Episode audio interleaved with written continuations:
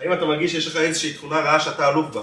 כמו למשל כעס, אחד אומר אני מתעצבן בשניות, כל דבר מעצבן אותי. או אחד אומר אני מתמחה במידת העצלות. כל אחד יש לו את הדבר הזה שאומר זה מה שתוקע אותי, זאת המידה שמפריעה לי להתקדם בחיים ובעבודת השם.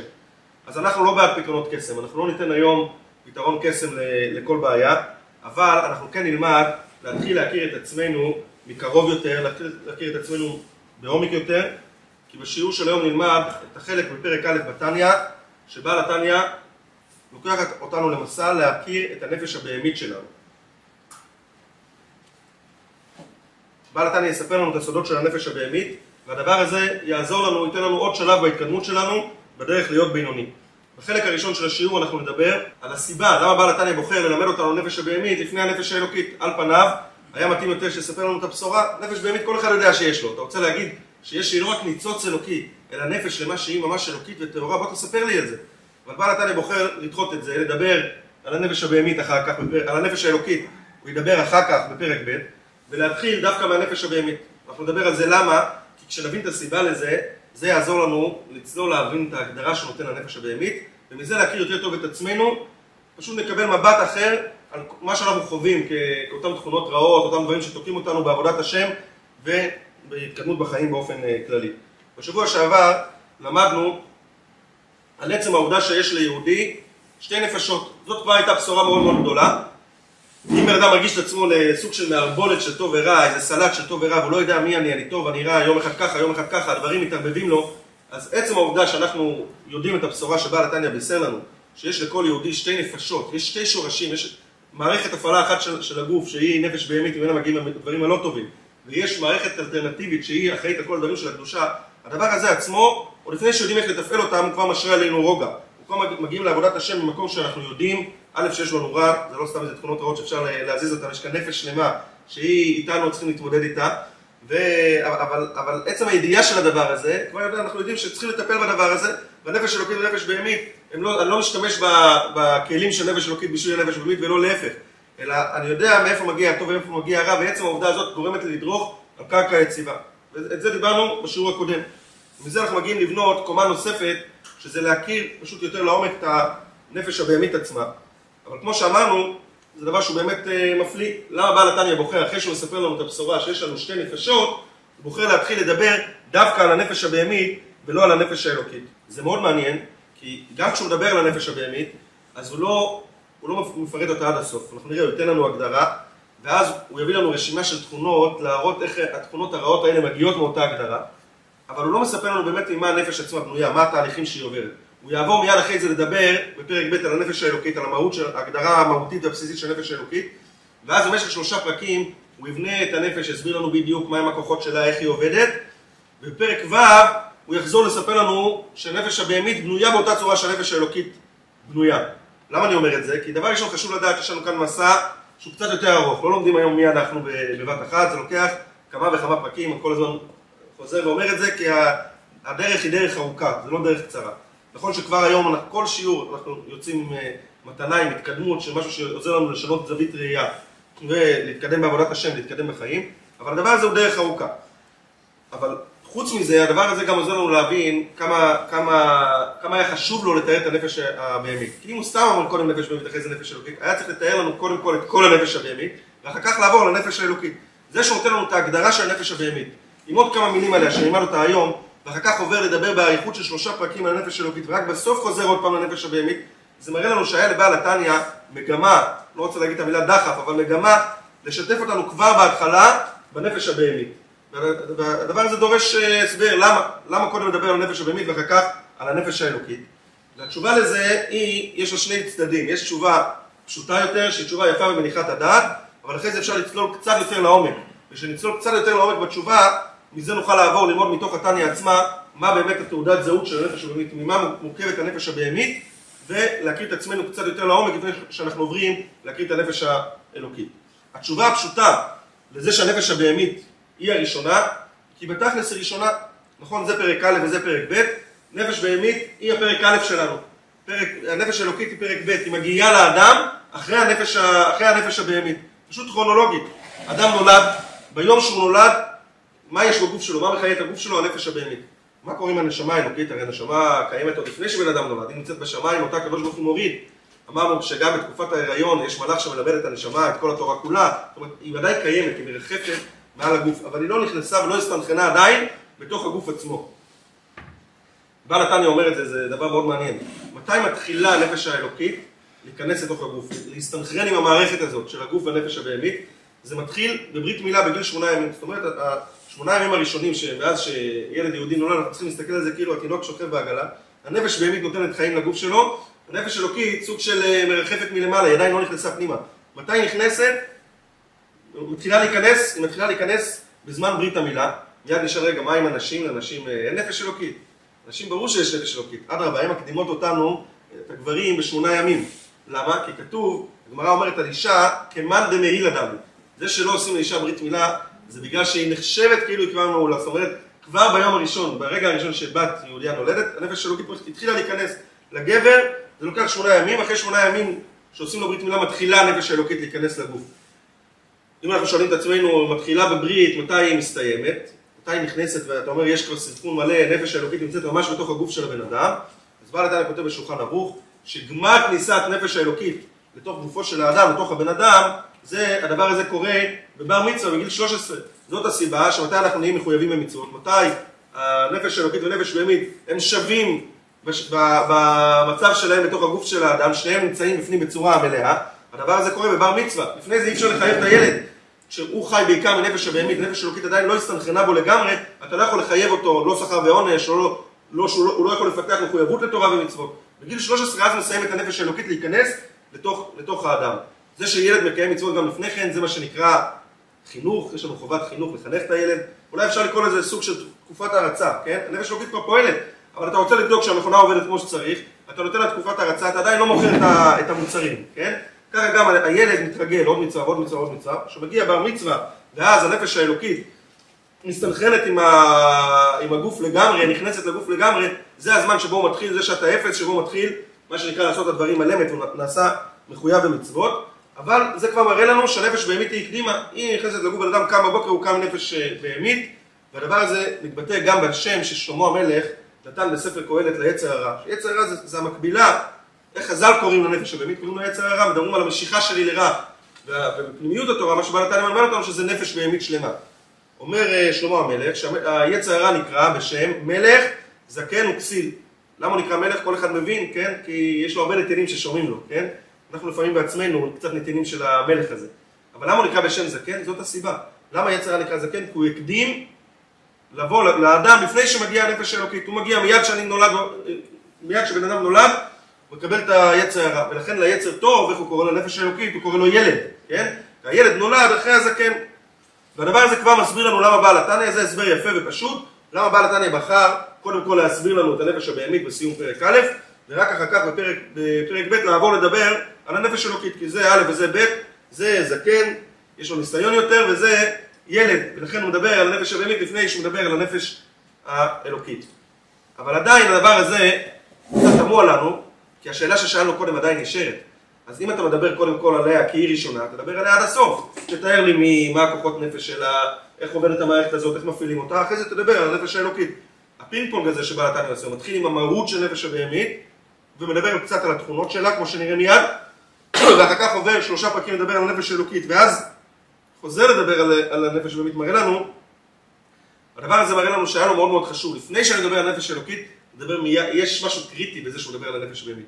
וזה מביא אותנו להסבר שהוא קצת יותר עמוק. זה אותו רעיון, שהיא א' והיא ב', היא ראשונה והיא שנייה, אבל במבט קצת יותר עמוק. כי על פניו לא מתאים לקרוא, אם ההבדל בינינו שמונה ימים, אנחנו לא מתאים לנו לקרוא לזה זקן וזה ילד, כן? אולי ששני תינוקים נולדים בהפרש של שמונה ימים, אז אנחנו נגיד, הוא גדול ממנו פי שמונה. אבל מאוד מאוד מהר מדביקים את הפער, אחרי זה מגיעים לגיל 40, הם בעצם יגידו לעצמם שהיינו נולדנו ביחד, כן? מה ההבדל בינינו? שמונה ימים? למה הוא נחשב לזקן, הוא נחשב לילד? והתשובה היא שזה לא רק אה, מה התאריך הראשון, האם זה קרה בבר מצווה או בברית או בלידה, מתי נכנסה הנפש של האדם, זה כל בוקר, זה כל הזמן. העובדה שנפש הבהמית היא הראשונה, זה לא רק היא הגיעה קודם, אלא היא המצב הטבעי שלנו.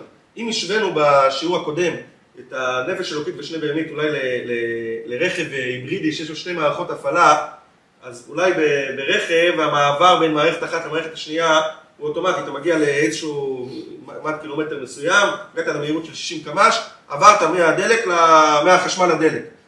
כאן זה לא עובר, לא עובר אוטומטי, בן אדם יכול לחיות, לא רוצה להגיד חס ושלום כל החיים, כי אנחנו צריכים ללמוד להפעיל את הנפש האלוקית, ויהודי מפעיל את הנפש האלוקית שלו, אבל אם אתה לא תפעיל אותה, אם לא תלחץ, אם לא תדע את הסוד, מה בדיוק מפעיל אותה ואיך אתה תעשה את זה, אתה יכול לחיות הרבה הרבה זמן בצורה שאתה עובד על מערכת אחת, עובד על המערכת, על המערכת של נפש הבהמית. במילים אחרות, זה שהיא ראשונה והיא שנייה, זה לא שהיא תפסה את המגרש קודם והיא מגיעה אחר כך, אלא זה גם דבר מהותי, שהנפש הבהמית היא הברירת מחדל, היא הבילדין. כשאני קם בבוקר, מה אני מרגיש? אני מיד מרגיש את עצמי, מתפתח, חושב על הגוף שלי, על הצרכים שלי, מה אני הולך לעשות היום? אני חייב לעבוד, אני חייב ללחוץ על כפתור כדי לעבור לדבר על החלק האלוקי שלי, כדי לעבור להשתמש בחלק האלוקי שלי, וככה זה כל הזמן.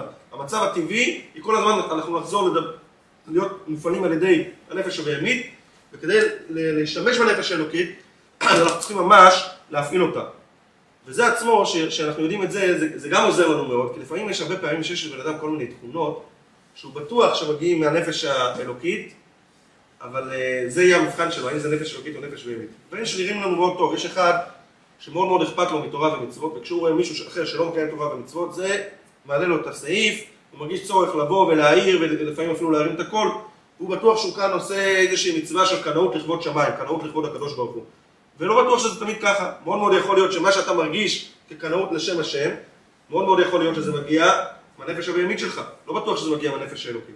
אותו דבר לפעמים בצד ההפוך, לפעמים בן אדם מרגיש שיש לו ענווה. הוא אומר מי אני ומה אני, אני כלום, אני... הוא לא עושה דברים שהקדוש ברוך הוא רוצה ממנו, בגלל שהוא אומר לעצמו אני לא שייך לזה, זה שרבנים גדולים יעשו, אני לא שייך לזה.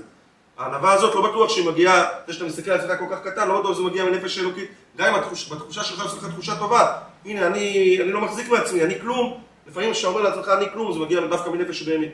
וכאן מגיע לנו הכלל הזה, שמה שמגיע לנו באופן טבעי, הרגשות שעולות צפות לנו באופן טבעי, בדרך כלל זה יהיה הנפש הבהמית. דבר שחשבת עליו, דבר שהפעלת אותו, ואתה אומר לעצמך, זה מה שהשם רוצה ממני, הצלחת להזיז את הנפש הבהמית ולהפעיל את הנפש האלוקית, זה יהיה, הדבר הזה יהיה נפש אלוקית. זה עוזר לנו באמת לעשות את, ה- לפעמים את המבחן בדברים שהם לא ברורים, דברים שיכולים לתת לנו תחושה כאילו באים מנפש אלוקית. אם נעשה את המבחן הזה, האם זה שייך לאלף, זה מגיע מהברירת מחדל הטבעית, נדע שזה נפש אלוקית, אה, נדע שזה מגיע מהנפש הבהמית. ודווקא אם הפעלנו את זה מתוך מחשבה, אז זה סימן שהפעלת את המערכת השנייה של הנפש האלוקית. הדבר הזה עוזר לנו גם לה- להיכנס ישר לתוך התניא ובאמת להכיר את הנפש הבה- הבהמית יותר לעומק.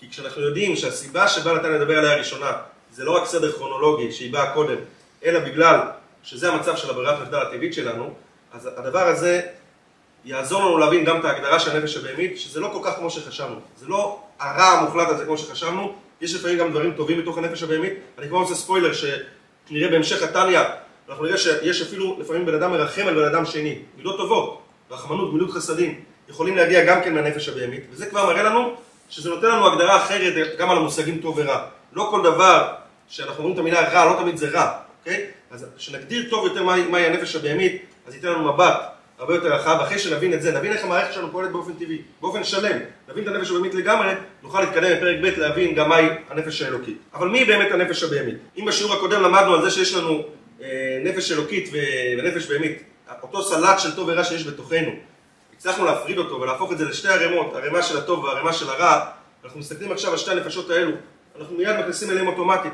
כל הדברים הטובים שיש לי, עבודת השם שלי, השמחה שלי, המרד שלי, הרצון שלי לעזור לאנשים אחרים, כל תכונה טובה שיש לי, אני מיד מכניס, המצוות שאני עושה, לתוך ההר הגדול הזה שנקרא נפש אלוקית, ואת כל הדברים הרעים שתוקעים אותי, כל התכונות הרעות, זה הר גדול, אולי לפעמים הוא נראה לנו יותר גדול ממשהו באמת, של הנפש הבהמית. וזה כבר, כמו שאמרנו, הדבר הזה כבר עושה לנו סדר בראש. אבל מה שבא נתניה יעשה עכשיו, שהוא ייתן לנו את ההגדרה של הנפש הבהמית, הוא בעצם ייקח את אותו הר של תכונות אה, רעות, את אותו הר שאנחנו מזהים כמה שתוקע אותנו בחיים, והוא יתחיל לפרק אותו. הוא קודם כל יגיד, יגיד לנו את זה בהגדרה, הגדרה אחת ברורה, ואחר כך הוא יראה לנו איך כל התכונות הרעות שיש לנו, שאנחנו, בן אדם אומר לעצמו, זה אני, ואין לי סיכוי לצאת מזה, איך כל הדברים האלה בעצם, בסופו של דבר זו אותה הגדרה אחת פשוטה וברורה. שנדע את ההגדרה הברורה הזאת, זה ייתן לנו פשר לכל התכונות הרעות שבן, שבן אדם חושב, וואו, יש לי כל, כל כך הרבה דברים שאני צריך לטפל בהם, לא, יש לך דבר אחד שאתה צריך לטפל בו. נכון, אנחנו לא מזלזלים בעובדה שאם בן אדם יש לו מצוקה מיידית, מה שנקרא, הוא צריך SOS, לפעמים אפילו צריך ללכת לפסיכולוג, לטפל בזה בצורה מקומית. הטניה זה לא תרופת פלא, זה לא משהו שאתה לוקח אותו ומיד אתה מרפא את- התכונות הלא טובות שיש לך. אבל לפעמים דווקא כשאתה לא מרגיש שאתה נמצא במצוקה נוראית, אלא החיים עצמם זורמים, אתה אומר לעצמך, אבל יש דברים רעים שאני רוצה לטפל בהם. ואז אומרים לך את ההגדרה האמיתית, תדע לך, זה השורש של כל הבעיות. מה שנראה לך כמו הר גבוה של תכונות רעות, בסופו של דבר יש כאן משפט אחד שמבטא את כל זה. ומזה מגיעים אחר כך כל התכונות הלא טובות. כשאתה יודע את הדבר הזה, זה הרבה יותר קל לך, זה גם מרגיע, אבל הרבה יותר קל לך גם לקרוא לילד בשמו ופשוט לטפל בו. לפעמים אנחנו מעצימים דברים, ומסתכלים עליהם בצורה לא נכונה, וזה שאנחנו מסתכלים עליהם ככל כך רע מונע מאיתנו לטפל בהם. כשאתה נותן את ההגדרה הנכונה, אתה הופך אולי את הנפש הבאמית, היא לא הר גבוה, היא משהו מאוד מאוד קטן, הגדרה מאוד מאוד ברורה ובסיסית, זה מה שעוזר לך להישיר מבט אל מול הנפש הבאמית ולהתחיל לדעת איך לטפל בה. ולכן אנחנו נראה מתוך הלשון של התניא, מה ההגדרה שבעל התניא נותן, שאנחנו רוצים להתחיל להכיר את עצמנו. מי זו הנפש הבהמית שלנו, מה ההגדרה שבעל התניא נותן לזה. אז זה נמצא בעמוד 10, שש שורות מלמטה, אפשר לקרוא את זה ממש מתוך הלשון של בעל התניא. לכל יהודי יש שתי נפשות, אומר לנו בעל התניא, נפש אחת מגיעה מצד הקליפה בסטרא אחא, והיא המתלבשת בדם האדם להחיות הגוף, וכתיב כי נפש הבשר בדם, בדם. אוקיי? כאן נותן לנו את ההגדרה. וזה מילים שצריכים פשוט לפענח אותם. אבל נראה שהוא קודם כל אומר לנו מאיפה מגיעה הנפש הבהמית, מה השורש שלה למעלה, ואחר כך הוא מסביר מה ההגדרה שלה. ובשני הדברים האלו קורה בעצם את אותו תהליך מדהים. כשאנחנו אומרים את המילה קליפה וסטרא אחרא, יש אנשים שזה לא אומר להם כלום. אבל מי שקצת נחשף לתורת הקבלה, לפנימיות התורה, ומנסה לפרש בעצמו את המילים האלו קליפה וסטרא אחרא, זה גם נראה כמו הר מפחיד. כל אחד מפעיל את הדמיון שלו, והדבר הזה נראה, הדבר הזה נראה כמו, לא יודע, אנשים יגידו שדים ורוחות, כל כוחות הרוע שבעולם, סטרא אחרא, זה נשמע משהו מאוד מאוד מפחיד, ולפעמים דווקא זה שאנחנו מעצימים את זה באמצעות הדמיון, ולא באמצעות הגדרה אמיתית ונכונה ופשוטה, הדבר הזה לא נותן לנו לטפל בזה, לא נותן לנו להתייחס ליחס האמיתי לכל הדברים הלא טובים שקיימים בעולם, לכוחות, מה שנקרא כוחות האופן, שזה קליפה וסטרא אחת. כשמבינים את זה פשוט, בעברית פשוטה, מה המשמעות של המילים האלו, הרבה הרבה יותר קל להתמודד עם זה. ולכן כשנבין את השורש, מה זה קליפה וסטרא אחת, יהיה לנו קל גם להגיע לנפש הבאמית ולעבור את אותו תהליך, את אותו הר גדול של כל התכונות הרעות, כל הדברים שמסבכים אותנו כל כך, נהפוך אותו להגדרה מאוד מאוד ברורה, ואותה הגדרה יהיה לנו הרבה הרבה יותר קל להתמודד איתה ולנהל אותה בצורה אמיתית. אז מהי בעצם ההגדרה? אני חוזר למילים שבעל תניא. קליפה וסטרא אחא. קליפה זו מילה בעברית. מה זה קליפה? יש לי פרי, אבל אני לא רואה את הפרי עצמו, אני רואה את הקליפה שבעצם מפריעה לי לראות מה קורה בתוך, בתוך הפרי עצמו. וזאת הקליפה, כשאנחנו מדברים על הקליפות הטמעות, זאת הקליפה. מה זה בעצם אומר קליפה? יש בורא לעולם שהוא מכוון ומסדר הכל, הוא זה שמחיה את העולם, הוא נותן חיים לעולם. בעיקרון, אילולא הקליפה וסטרא אחרא, אנחנו היינו רואים רק את בורא עולם. היינו רואים כל דבר היה לו פשר, הכל היה טוב, כל דבר היה בעל מקומו. אם אנחנו רוצים לדעת מה זה רע, מה זה המושג רע בעולם, וזו הגדרה נכונה לכל הדברים הרעים שיש בעולם, זה קליפה שמפריעה לנו לראות את בורא עולם, לכן היא נקראת בשם קליפה. אותו דבר השם הארמי שלה, סטרא אחת, זה בעצם שני מילים בארמית, ש... שתי מילים בארמית, שהתרגום הפשוט שלהם הוא הוא לא משהו מפחיד, סיטרא אחרא זה בעצם צד אחר. מה זה צד אחר? מהו הצד הראשון ומהו הצד האחר השני? הצד הראשון זה בורא עולם, אם היינו רואים ומכוונים לראות את בורא עולם בכל דבר ודבר, אז הכל היה מושלם, היינו יודעים להתייחס נכון לכל דבר, לא היה לנו שום בעיה. כל הבעיה מתחילה שיש כוח, בורא עולם ברק כוח כזה שהוא מסיט לנו את המבט, הוא נקרא קליפה כי הוא מכסה את האמת, הוא נקרא סטרא אחא כי הוא צד אחר, מסיט לנו את המבט לצד אחר, לא להסתכל על בורא עולם. וזה השורש לכל הדברים הרעים בעולם. לא יותר מזה, עצם העובדה שיש משהו שלא מספר לך על בורא עולם, הדבר הזה נקרא קליפה וסטרא אחת. אומר לנו בעל התנא, אתה רוצה לדעת מי זאת הנפש הבהמית? היא לא כל כך מפחידה. לך, אתה חווה אותה כמשהו נורא נורא מפחיד, שהוא כולל את כל המידות הלא טובות שלך. לפעמים אדם נמצא בדיכאון, יכול שנים להישאר בתוך איזה מערבולת של רגשות וצער, שאתה אומר לעצמך, אין לי דרך לצאת מכאן. הוא אומר, תדע לך, זה מגיע מקליפה וסטרא אחת. הבעיה היחידה של הנפש הבהמית זה שהיא בעיה מאוד חמורה, אבל הבעיה היא שהוא, שהיא מעלימה ומסתירה, היא כמו קליפה שמפריעה לך לראות את בורא עולם. ובזה אתה מיד מגיע גם להגדרה של הנפש הבהמית עצמה. מי היא הנפש הבהמית? מה התעודת זהות שלה? זה דווקא לא דבר מפחיד. התעודת זהות של הנפש הבהמית היא, היא נפש שמלובשת באדם, בדם האדם, כדי להחיות הגוף. יש לו מטרה אחת. המטרה שלה היא לתת לבן אדם חיים, אבל בצורה כזאת שהוא לא מרגיש שהוא מקבל את זה מבורא עולם. זאת הנפש הבהמית בסך הכל. דרך אגב, זאת הסיבה שגם נקראת בהמית. למה נקראת בהמית? כי כמו בהמה, בהמה זה גם כן לא דבר. אפילו בעלי חיים טורפים, אף אחד לא כועס עליהם שהם אה, טורפים, כי אנחנו יודעים שזאת, זה מה שנקרא שרשרת המזון, ברור העולם ברא את העולם בצורה כזאת, שיש כל בעל חיים יש לו את את המזון שלו, וזה מה שהוא צריך לעשות כדי לחיות. למה הוא עושה את זה? זה מרוע? אין כאן רוע, הוא לא מתכוון להזיק. הוא פשוט דבר ראשון צריך לשרוד. יש לו דבר אחד, הוא רואה את עצמו, אני כאן כדי להיות כאן ואני צריך לשרוד, בשביל זה אני אעשה הכל. בעלי חיים יכולים להיות מאוד מאוד מתוחכמים. מי שעוקב אחרי העניינים האלה של, ה... של הטבע, אז uh, יכול לראות דברים שבאמת מדהימים, את המהלכים ש... מהלכים שהעכביש עושה, או שכל בעל חיים עושה, שהוא בא לטרוף, בא לצוד. דברים גאוניים, אבל בסופו של דבר תחדור לשורש. מה זה כל התכונות שיש לבעלי החיים? כל מעשה שבעל חיים עושה, כל אינסטינקט שלו וכל צעד שהוא יעשה ימינה או שמאלה, הכל זה דבר אחד, הוא חושב על עצמו, הוא חושב איך אני שורד, והדבר הזה הוא לא רק ככה בורא עולם ברא את הטבע שלו, ככה בורא עולם ברא את העולם, שהד... שהדבר הזה, בעל חיים הוא מכונס בתוך עצמו, וזאת גם הנפש הבהמית. תשאל אותה, היא קמה בבוקר, מה היא רוצה? היא רוצה את עצמה, היא רוצה לשרוד, רוצה לחיות. וזה בסופו של דבר, אם אנחנו חושבים על זה, האם זה דבר רע או טוב, נקרא לזה בשם של זה בעצם, כן? איך, מה זה בעצם? שאני רוצה לחיות, אני רוצה את עצמי.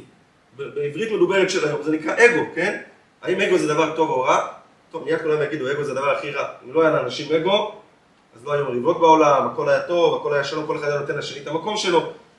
אבל האמת היא שזה לא נכון. אגו זה לא רק דבר רע. אגו בסופו של דבר זה מה שממריץ אותנו. בן אדם קם בבוקר, אם הוא היה נטול אגו לגמרי, לא בטוח שהוא היה, יורד מהמיטה. אדם צריך אגו בסיסי כדי לרצות משהו, שתהיה לו אמביציה, שיהיה לו רצון להגיע להישגים כלשהם.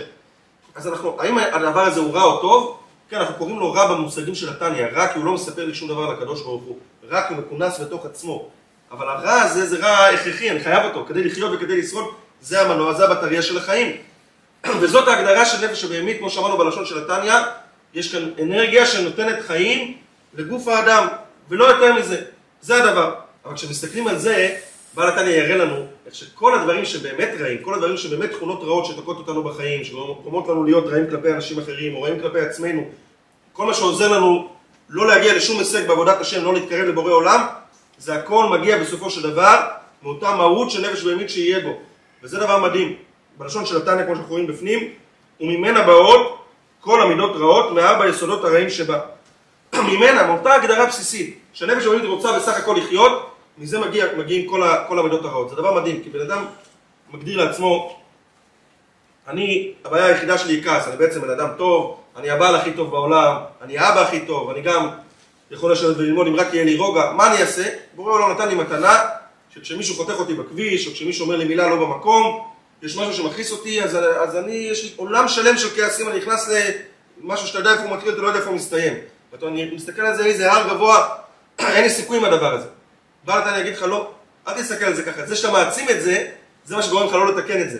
ברגע שאתה תדע שהדבר הזה מגיע בסך הכל מהדבר הקטן שנקרא, הוא לא כל כך קטן, אבל שתדע להתמודד ולתת לו את השם הנכון, שהוא עצם הרצון שלך לחיות, זה האגו, זה מה שגורם בסופו של דבר לכעס, זה מה שגורם בסופו של דבר לעצלות, שתדע את הדבר הזה ותבין איך זה עובד, זה יעזור לך לטפל בכל מידה ומידה, בכל תכונה ותכונה שהיא לא טובה. אומרים שהיה היה פעם איזה בחור ישיבה, שהוא סבל קצת ממידת העצלות. אומרים, לילה אחד הוא הלך, היה לו באמת הרבה חשק ללמוד, הרבה חשק לקום ולהשקיע. הוא לילה אחד הוא הלך לישון מוקדם, הוא אומר, מחר בבוקר אני קם, שש בבוקר אני קופץ והוא הולך ללמוד. מגיע שעה שש בבוקר, השעון מעורר, או שלושה שעונים מעוררים שהוא מכין לעצמו מצלצלים, הוא קם, היצר טוב, הנפש אלוקי דוחף אותו, עכשיו תלך ללמוד. ואז בא היצר הרע, אומר לו, עזוב, תכלס לא ישנת טוב בלילה, קח לך עוד עשר דקות של מנוחה, זה ייתן לך drive לכל היום. טוב, שומע בקולו עשר דקות, יצר טוב, אומר לו, לא, אל תשמע לו, עשר דקות האלה זה ייגרר. מתחילה מלחמה ביניהם, הוא רואה עוד דקה, דקה לפה, דקה לשם. יצר טוב דוחף אותו לקום, יצר הרע דוחף אותו, נפש בהמי דוחף אותו, תיקח, תיקח את הזמן שלך, זה בשבילך. מה עשה אותו, אותו צדיק, אותו בחור ישיבה? הוא אמר להם, תקשיבו, אני איש של שלום, לא רוצה להיכנס למריבות. אתה יצר טוב, יצר הרע, תנהלו את המריבות שלכם בשקט, אני ישן בינתיים. כשמישהו ינצח, תעירו אותי, תגידו לי מי הצדק, אני אפעל לפי ההוראות שלו. וככה הוא ישן בשקט והם רבו ורבו ורבו עד שהגיע 12 בצהריים והעיר אותו להגיד לו שעץ הטוב ניצח, צריך לקום. אז זו בדיחה, אבל הבדיחה הזאת בעצם מבטאת לנו הרבה הרבה את המציאות. כשאתה לא יודע לקרוא לילד בשמו, אתה אומר לעצמך, טוב, זה היצר הרע שלי. לא, תדע, זה האגו. כשיש לך את האגו, אתה תבין איך שמהאגו הזה מגיעה העצלות, מגיעה העצבות, מגיע הכעס. כל מידה רעה שיש לבן אדם, כל תחושה לא טובה שיש לו, הדיכאון שיש לו, זה מגיע מעצם העובדה שהוא לא יודע לווסת נכון את האגו שלו ולחבר אותו עם הקדושה, לחבר אותו עם הקדוש ברוך הוא מהעובדה שהנפש שלו היא רק רוצה לחיות והיא קליפה וסדרה אחת שמעלימה על הקדוש ברוך הוא. זה בעצם הסוד של הנפש הבהמית. ונראה את הדבר הזה בפנים, הוא נותן לנו שורה של תכונות, נקרא אותן בפנים, ואז נראה, לא, לא נסביר את כל הדוגמאות, אבל ממש אה, שניים, אבל ממש שתיים או, שלושה, או שלוש דוגמאות, שיראו לנו איך התכונות האלה, הן בעצם מגיעות בסך הכל מהאגו. אז אומר בעל התניא ככה, ממנה באות כל המידות רעות, מארבע יסודות רעים שבה. יש בסופו של דבר, זה חומר אחד, כמו שניקח, אולי, לא יודע אולי אם הדימוי הזה נכון, אבל פלסטלינה, זה אותו חומר, יש לך כל מיני צורות, כל מיני תבניות שלוקחות את אותו חומר, חומר פשוט והופכות אותו לכל מיני צורות שונות שנראות לך אחרות לגמרי, כשאתה יורד לשורש, בסופו של דבר זה אותו אחד, זה אותם יסודות. אז ארבע היסודות הרעים שבה, והוא מיד מסביר, דהיינו, כעס וגאווה מיסוד האש, שנקבע הטבע שלה הוא לעלות למעלה, תאוות התענוגים היא מיסוד המים, כי המים מצמיחים כל מיני תענוג, והוללות וליצנות והתפארות ודברים בטלים מיסוד הרוח, ועצלות ועצבות מיסוד העפר. אם, ניקח את, אם ניקח את הכעס, מה זה בעצם הכעס? הכעס זה בסך הכל הקטע שבן אדם נותן לאגו שלו לטפוח למעלה. יש לו אגו תכונה כזאת, שכשאתה משחרר אותו, אתה נותן לו את המרחב שלו, הוא לא עוצר במקום אחד. הרי אם אני הייתי יודע לראות את בורא עולם, ולראות את התפקיד שלי בעולם הזה, ולהבין גם את הצד השני, הייתי רואה את הדברים במשקפיים יותר בהירות, משקפיים של נפש אלוקית נקרא לזה, אז ברור שבן אדם היה חותך אותי בכביש זה לא היה מעצבן אותי, זה לא היה נקרא ש... שהוא עשה לי משהו, כן? העובדה שזה מעצבן אותי, הוא קצת דרך לי, נכנס לתוך הטריטוריה, וכל החושים שלי נדלקים, ואז אם אני לא אעצור את זה, זה פשוט יהיה כדור, כמו שבעל התניא קורא לזה, זה יסוד האש.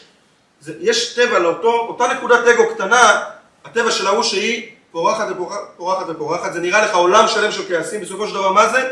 זה אגו שהתפתח ופרח למעלה. אותו דבר גם העניין של הגאווה. מה זה גאווה? גאווה זה, זה אותיות של אגו, כן? אני מרגיש את עצמי, אני חש את עצמי, אני חש שמגיע לי, והדבר הזה גורם, יש לו טבע, כמו הכעס, שהוא מתפתח ומתפתח ומתפתח, ואז בסופו של דבר אסור לאף אחד לדרוך עליו. יש סיפור מדהים על הנכד של בעל התניא, רבי מנחם מנדל, לצמח צדק, הדבור השלישי של חב"ד, שפעם בא אליו יהודי ואומר לו, רבי אני סובל, יש לי סבל מאוד מאוד גדול. אומר לו הרבי, מה, מה הסבל שלך? אומר היהודי לרבי, אני מגיע בבוקר לבית כנסת, כולם רק מציקים לי, כולם רק דורכים עליי, רק יורדים עליי. מה שאני לא עושה, אני אתנהג טוב, לא אתנהג, מה שאני לא עושה, כולם מרגישים צורך לדרוך עליי. אמר לו הרבי יצמח צדק, למה אתה חייב להתפשט? למה אתה, אתה נותן לאגו שלך להגיע לכל פינה בבית כנסת, שכל מקום שבן אדם הולך הוא דורך עליך? הוא אומר, תן קצת גבולות, תצמצם את עצמך קצת, אל תתפוס את כל המקום, תתפוס חצי מהמרחב, תראה שאנשים יכולים לעקוף אותך ויכולים לעבור לידך בלי לתת לך הערות ובלי לעקוץ אותך. לפעמים אנחנו מזמינים את זה, כשאנשים דורכים עלינו, זה לא תמיד בגלל הטבע הרע שלהם או רק בגלל הטבע הרע שלהם, זה בגלל שהאגו שלנו, אנחנו מרגישים צורך להיות נוכחים בכל מקום בצורה מלאה, ואז כל מילה שבן אדם אומר אנחנו לוקחים ללב, כן? זה בעצם הטבע הזה. יש כאן נקודה של אגו, שאם היינו יודעים לשמור עליה כנקודה, לתת את המקום שלה, זה הדבר הכי נפלא בחיים, כי זה נותן לנו את האמביציה להגיע להישגים, את האמביציה לחיות, וזה מה שדוחף אותנו להגיע לכל הישג.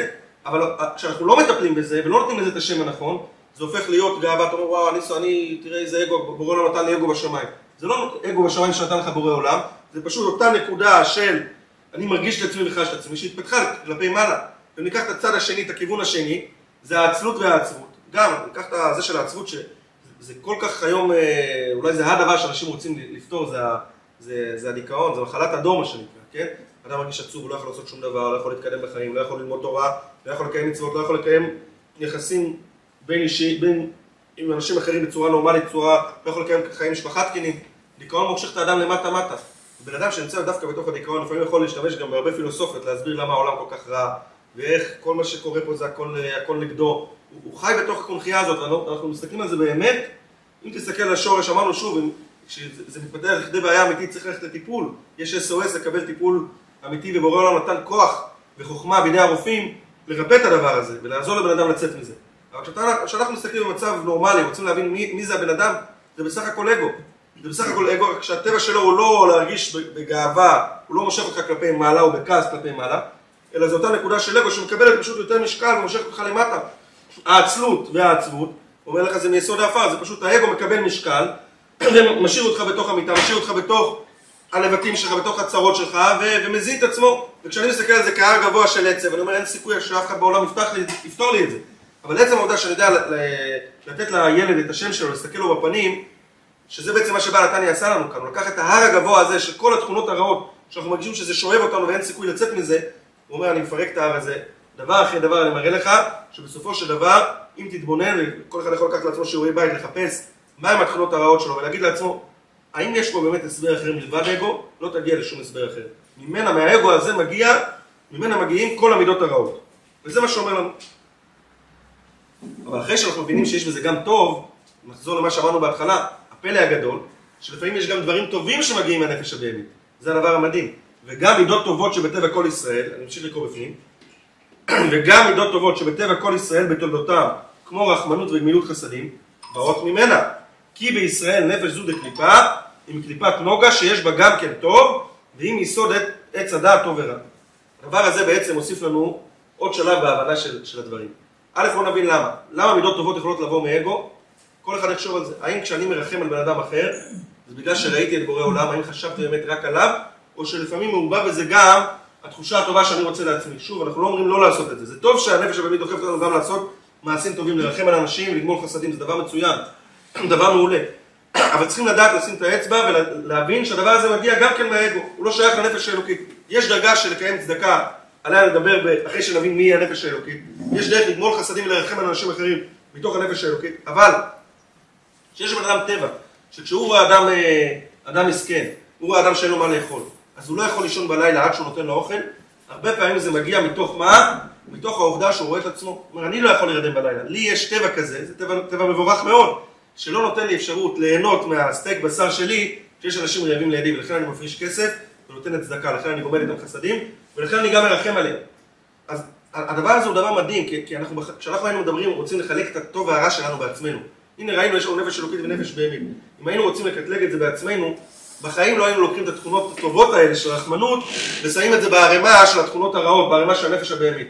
רק כשאנחנו פירקנו את הערימה הזאת, פירקנו את ההר הזה, אנחנו מבינים שזה לא עניין של רע כמו שאנחנו מגדירים רע. הרע פה זה בסך הכל סיפור של קליפה וסטרא אחא, קליפה בצד אחר שמסתירים מאיתנו את בורא עולם, אנחנו פתאום יכולים לראות בזה גם נקודות חיוביות, יש בזה גם מידות טובות, וזה גם, אז הדבר הזה נותן לנו גם נחמה, כי יש לנו, יש, יש מה לעבוד עם הנפש הבהמית. האגו הזה אנחנו לא הולכים לגמור אותו, לא הולכים להרוג אותו, אלא בהמשך התנא שנבין את מערכת היחסים לנפש אלוקי נפש בהמית, נבין שאנחנו יכולים גם לתת לו את היחס הנכון ולשלוט בו בצורה הנכונה, ואז יכולים לצאת ממנו גם דברים טובים. ואומר לנו בעל התניא, והסיבה היא, כי יש יש בעולם הקבלה, יש שתי קטגוריות של, של קליפות. יש מה שנקרא שלוש קליפות הטמעות לגמרי, שאיתן אתה לא יכול להתעסק. הן גם קליפה, מסתירה לך את האור של הקדוש ברוך הוא, אבל מהם אתה בורח. יש מה שנקרא קליפת נוגה. למה נקראת קליפת נוגה? כי אתה רואה בתוכה גם קצת אור. יש אפשרות לקלף אותה ולראות דרכה את האור. אומר לך בעל התניא, שאתה מסתכל על, על עצמך, על הרע שבך, על הנפש הבהמית שלך, אתה מגיע למסקנה ש, ש, שהעניין שלה הוא אגו, האגו הזה זה לא רק רע. האגו הזה טמון בתוכו גם פוטנציאל אדיר לטוב. עובדה, יש, הראייה הכי טובה לזה שיש בזה גם מידות טובות. שאם רק נדע לטפל בו נכון ולווסת אותו נכון ולשלוט בו ולהחזיק בו מושכות, יהיה אפשר לעשות איתו המון המון דברים טובים. אנחנו נראה בהמשך התניא שבסופו של דבר הדרך של הנפש האלוקית לקיים מצוות באמצעות הגוף זה על ידי האגו הזה, זה על ידי העובדה שהנפש באמת נותנת חיים לגוף. אם אנחנו יודעים רק לטפל בזה נכון ולתת לזה את המקום הנכון של זה, בסופו של דבר יש בזה הרבה טוב. ולא פחות חשוב לבעל התניא זה להגיע לשלב האחרון של הפרק ולספר לנו על אומות העולם. וכאן מגיע קטע שלפעמים עושה קצת הרגשה לא כל כך נעימה כשקוראים אותו, כי אנחנו רואים, יכולים לראות בזה סוג של גזענות. בעל התניא יגיד לנו שהדבר הזה שה... שה... האגו מגיע ממקום טוב, של קליפת, מקום שיש בו גם כן טוב, הדבר הזה שהאגו מגיע ממקום שיש בו גם כן טוב, מקליפת נוגה שיש בה גם כן אור, זה שייך לנפש בהמית של יהודי. ואילו נפש בהמית של גוי, הגוי, הוא מגיע רק מהקליפות האחרות, אין בו, אין בו טוב. נקרא את זה בפנים ואז נסביר את זה. מה שאין כנפשות תאומות עובדי גילולים, הם משאר הקליפות הטמאות שאין בהם טוב כלל, כמו שכתב בעץ חיים, שער מ"ט פרק ג', וכל טיבו, רבי חיים ויטל כותב ככה, כל טוב שעושים אומות עובדי גילולים, לגמרי היו עבדים, עושים את זה לטובת עצמם. כדאית בגמרא על הפסוק וחסד לאומרים חטאת, שכל צדקה וחסד שאומות עובדי גילולים עושים, אינם אלא כדי להתייעל חולו. והדבר הזה קצת מעורר אי נוחות, אבל כשנכנסים קצת לעומק מבינים שגם פה הוא לא אומר דבר רע. גם על, גם על אומות העולם שאומר את הדבר הזה בעצם, יש השוואה שגם נשמעת קיצונית מאוד, כן? שאברהם אבינו אומר לאליעזר, אומר לעבד שלו, אומר לישמעאל, שבו לכם פה עם החמור, אומרת הגמרא, אתם והחמור אותו דבר, עם שדומה לחמור. וואו, נשמע ממש גזעני, כן, להגיד על, ה, על הגויים שהם דומים לחמור.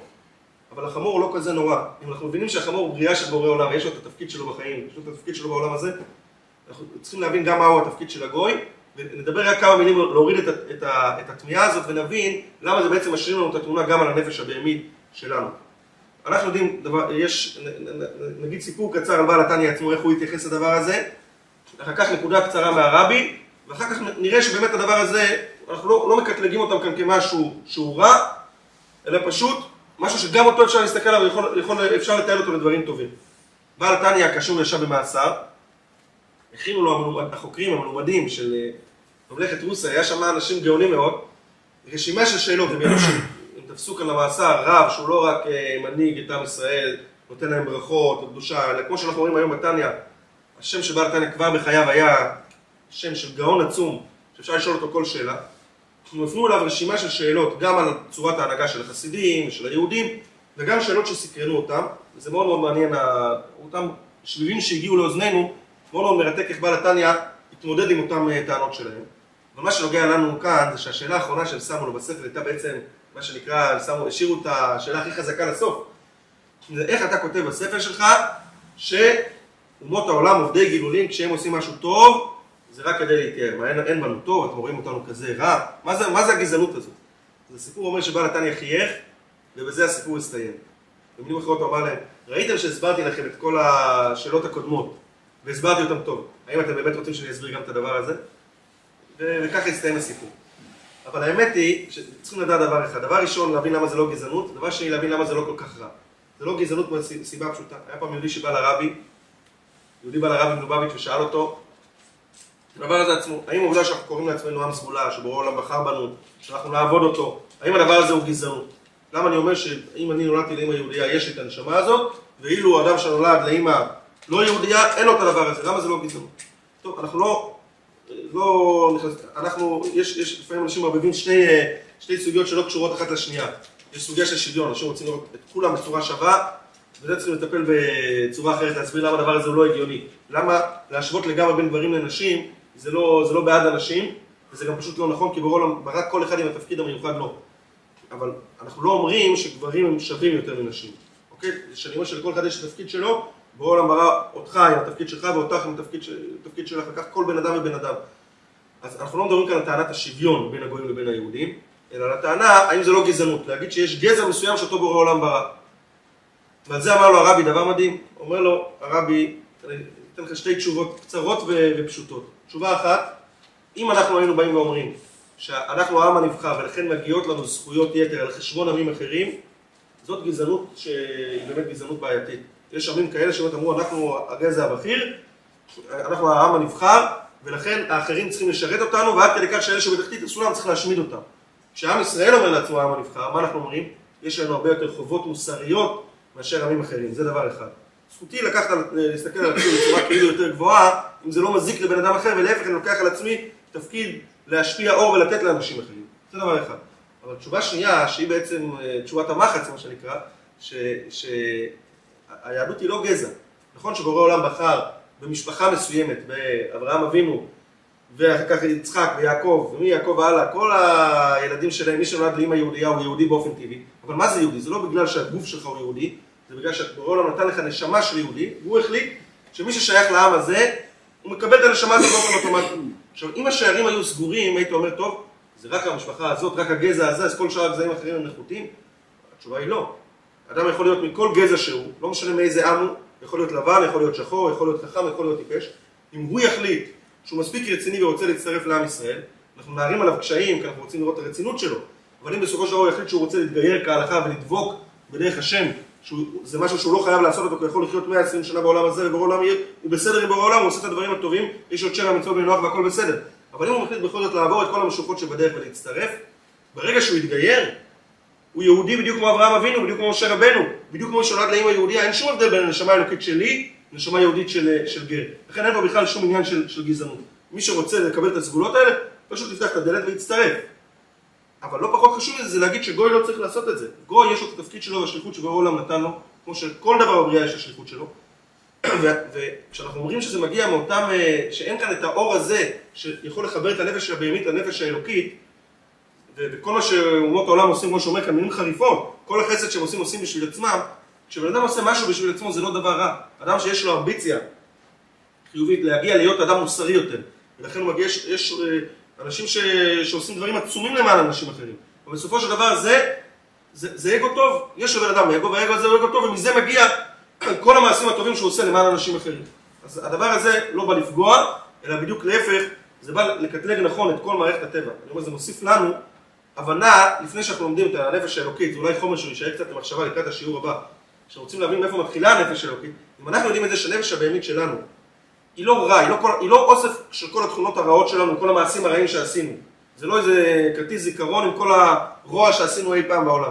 נפש בהמית היא קיימת היום, וגם חזרתי בתשובה ותיקנתי את כל מה שעשיתי, התחרטתי עולם אכל לי וניקה אותי, עדיין יש נפש בהמית. מהי נפש הבהמית? נפש בהמית היא אגו, שזה כולל את כל מה שהאגו כולל. האגו כולל דברים שמאוד מאוד רעים, כי הוא התפתח והגיע לממדים עצומים, כי לא שלטת בו, אבל הוא כולל גם דברים טובים. יש רחמנות, יש מילות חסדים, אתה עושה גם דברים טובים שמגיעים מעצם הרצון שלך להיות נוכח ולהגיע להישגים ולהגיע ל... לקבל פידבק טוב מהסביבה וגם כן להשקיט את המצפון שלך ולדעת שעשית דברים טובים, הדבר הזה הוא, הוא, הוא טוב מאוד.